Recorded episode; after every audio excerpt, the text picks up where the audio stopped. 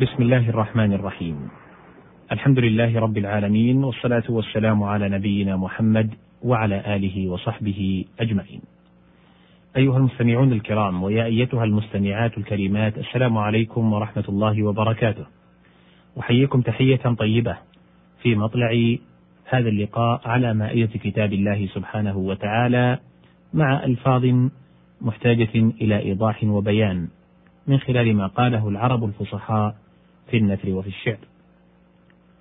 والمقام متوقف بنا عند مادة الحاء والصاد والراء. البخيل يسمى أيضا حصورا وحصيرا، سمي بذلك لمنعه المال. قال جرير: ولقد تسقطني الوشاة فصادفوا حصرا بسرك يا أميم ضنينا. وقوله تعالى في سورة البقرة: فإن أحصرتم فما استيسر من الهدي. اضطربت أقوال أهل اللغة في أحصر وحصر، هل هما بمعنى أو بينهما فرق؟ وما ذلك الفرق؟ وقيل أحصر في المنع الظاهر كالعدو والباطن، وحصر في الباطن فقط. فقيل حصره المرض وأحصره العدو، وقيل حصرته حبسته، وقال واحصروهم أي احبسوهم، والحاصل أن المادة تدل على المنع والتضييق وعليه للفقراء الذين أحصروا في سبيل الله. وحاصرت العدو ضايقته بالقتال وقوله حصرت صدورهم أي ضاقت بقتالكم ذرعا. والحصر العي في الكلام والمنع منه وأحصر الرجل وحصر حبس عليه. الحاء والصاد والحاء والصاد. قوله تعالى في سورة يوسف الآن حصحص الحق أي ظهر وتبلج وذلك بانكشاف ما يغمره.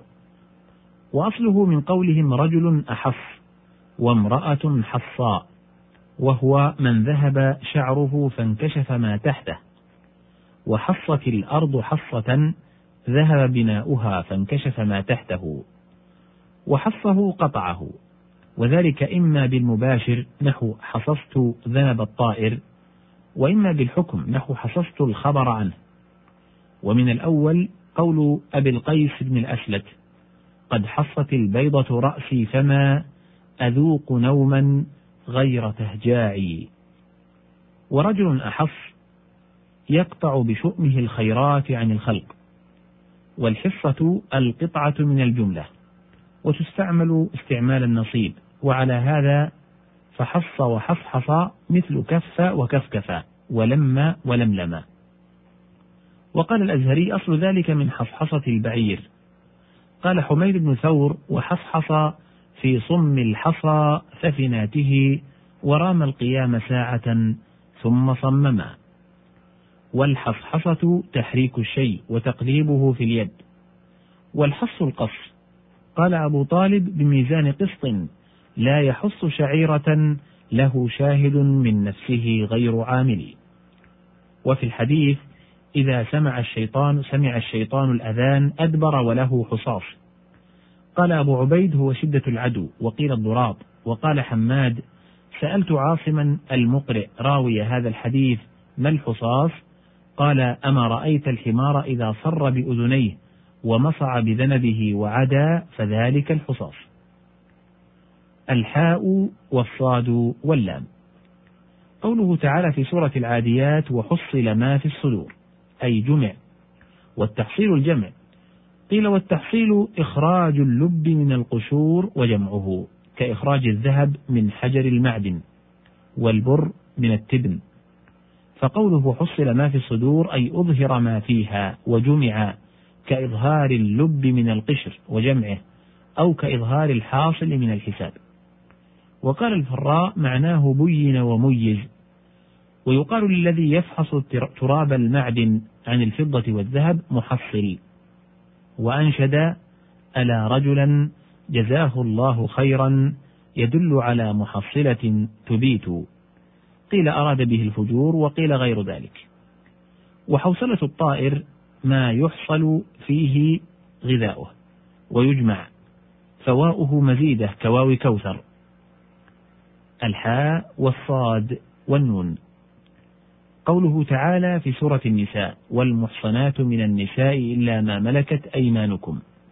أي وحرمت عليكم المحصنات ذوات الأزواج إلا ما ملكت أيمانكم بالسبي فإنهن يحللن لكم ومنه قول الفرزدق وذات حليل أنكحتها رماحنا حلالا لمن يبني بها لم تطلقي.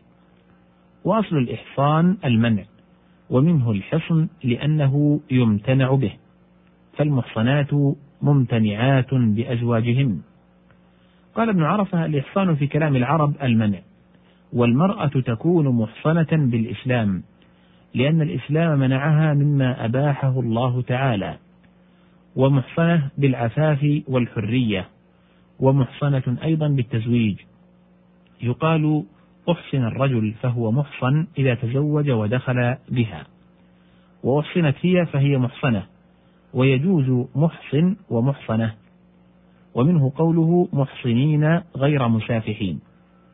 ودرع حصينة لتحصينها البدن. قال تعالى وعلمناه صنعة لبوس لكم لتحصنكم.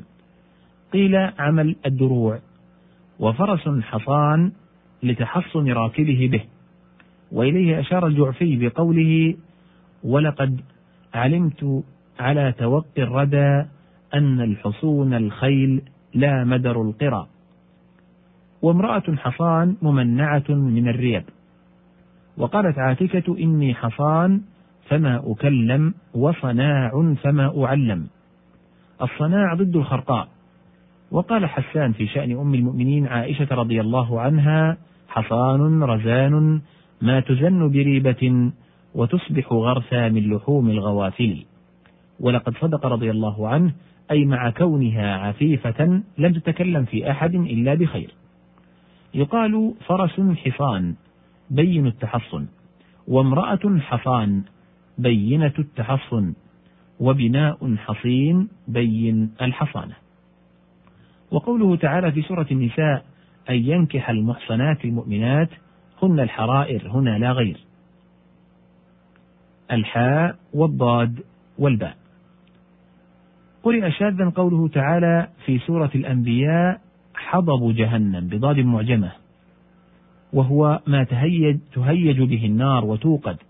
ويقال لما تسعر به النار محضب كمنجل.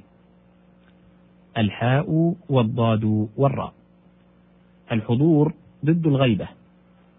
وقوله سبحانه وتعالى في سورة الأعراف حاضرة البحر يعني قربه وقيل مجاورة وهو قريب منه. وقوله تجارة حاضرة أي نقدا والظاهر أنها أعم من ذلك لأنها قوبل بها قوله إلى أجل فرخص لهم في عدم الكتب في التجارة الحاضرة. وقوله سبحانه في سورة المؤمنون وأعوذ بك رب أن يحضرون. كناية عن الجنون والمجنون محتضر لأن الجن تحضره. والمحتضر الميت والمشارف للموت لأن ملائكة القبض تحضره لقوله توفته رسلنا وهم لا يفرطون. وقيل إشارة إلى قوله ونحن أقرب إليه من حبل الوريد. وقوله كل شرب محتضر أي كل نصيب من الماء الذي قسمه الله تعالى بين ناقة ثمود وبينهم يحضره من هو في نوبته كقوله لها شرب ولكم شرب يوم معلوم هنا نتوقف في هذه المادة ونعد إن شاء الله تعالى بإتمامها. حتى ذلكم الحين أستودعكم الله والسلام عليكم ورحمة الله وبركاته.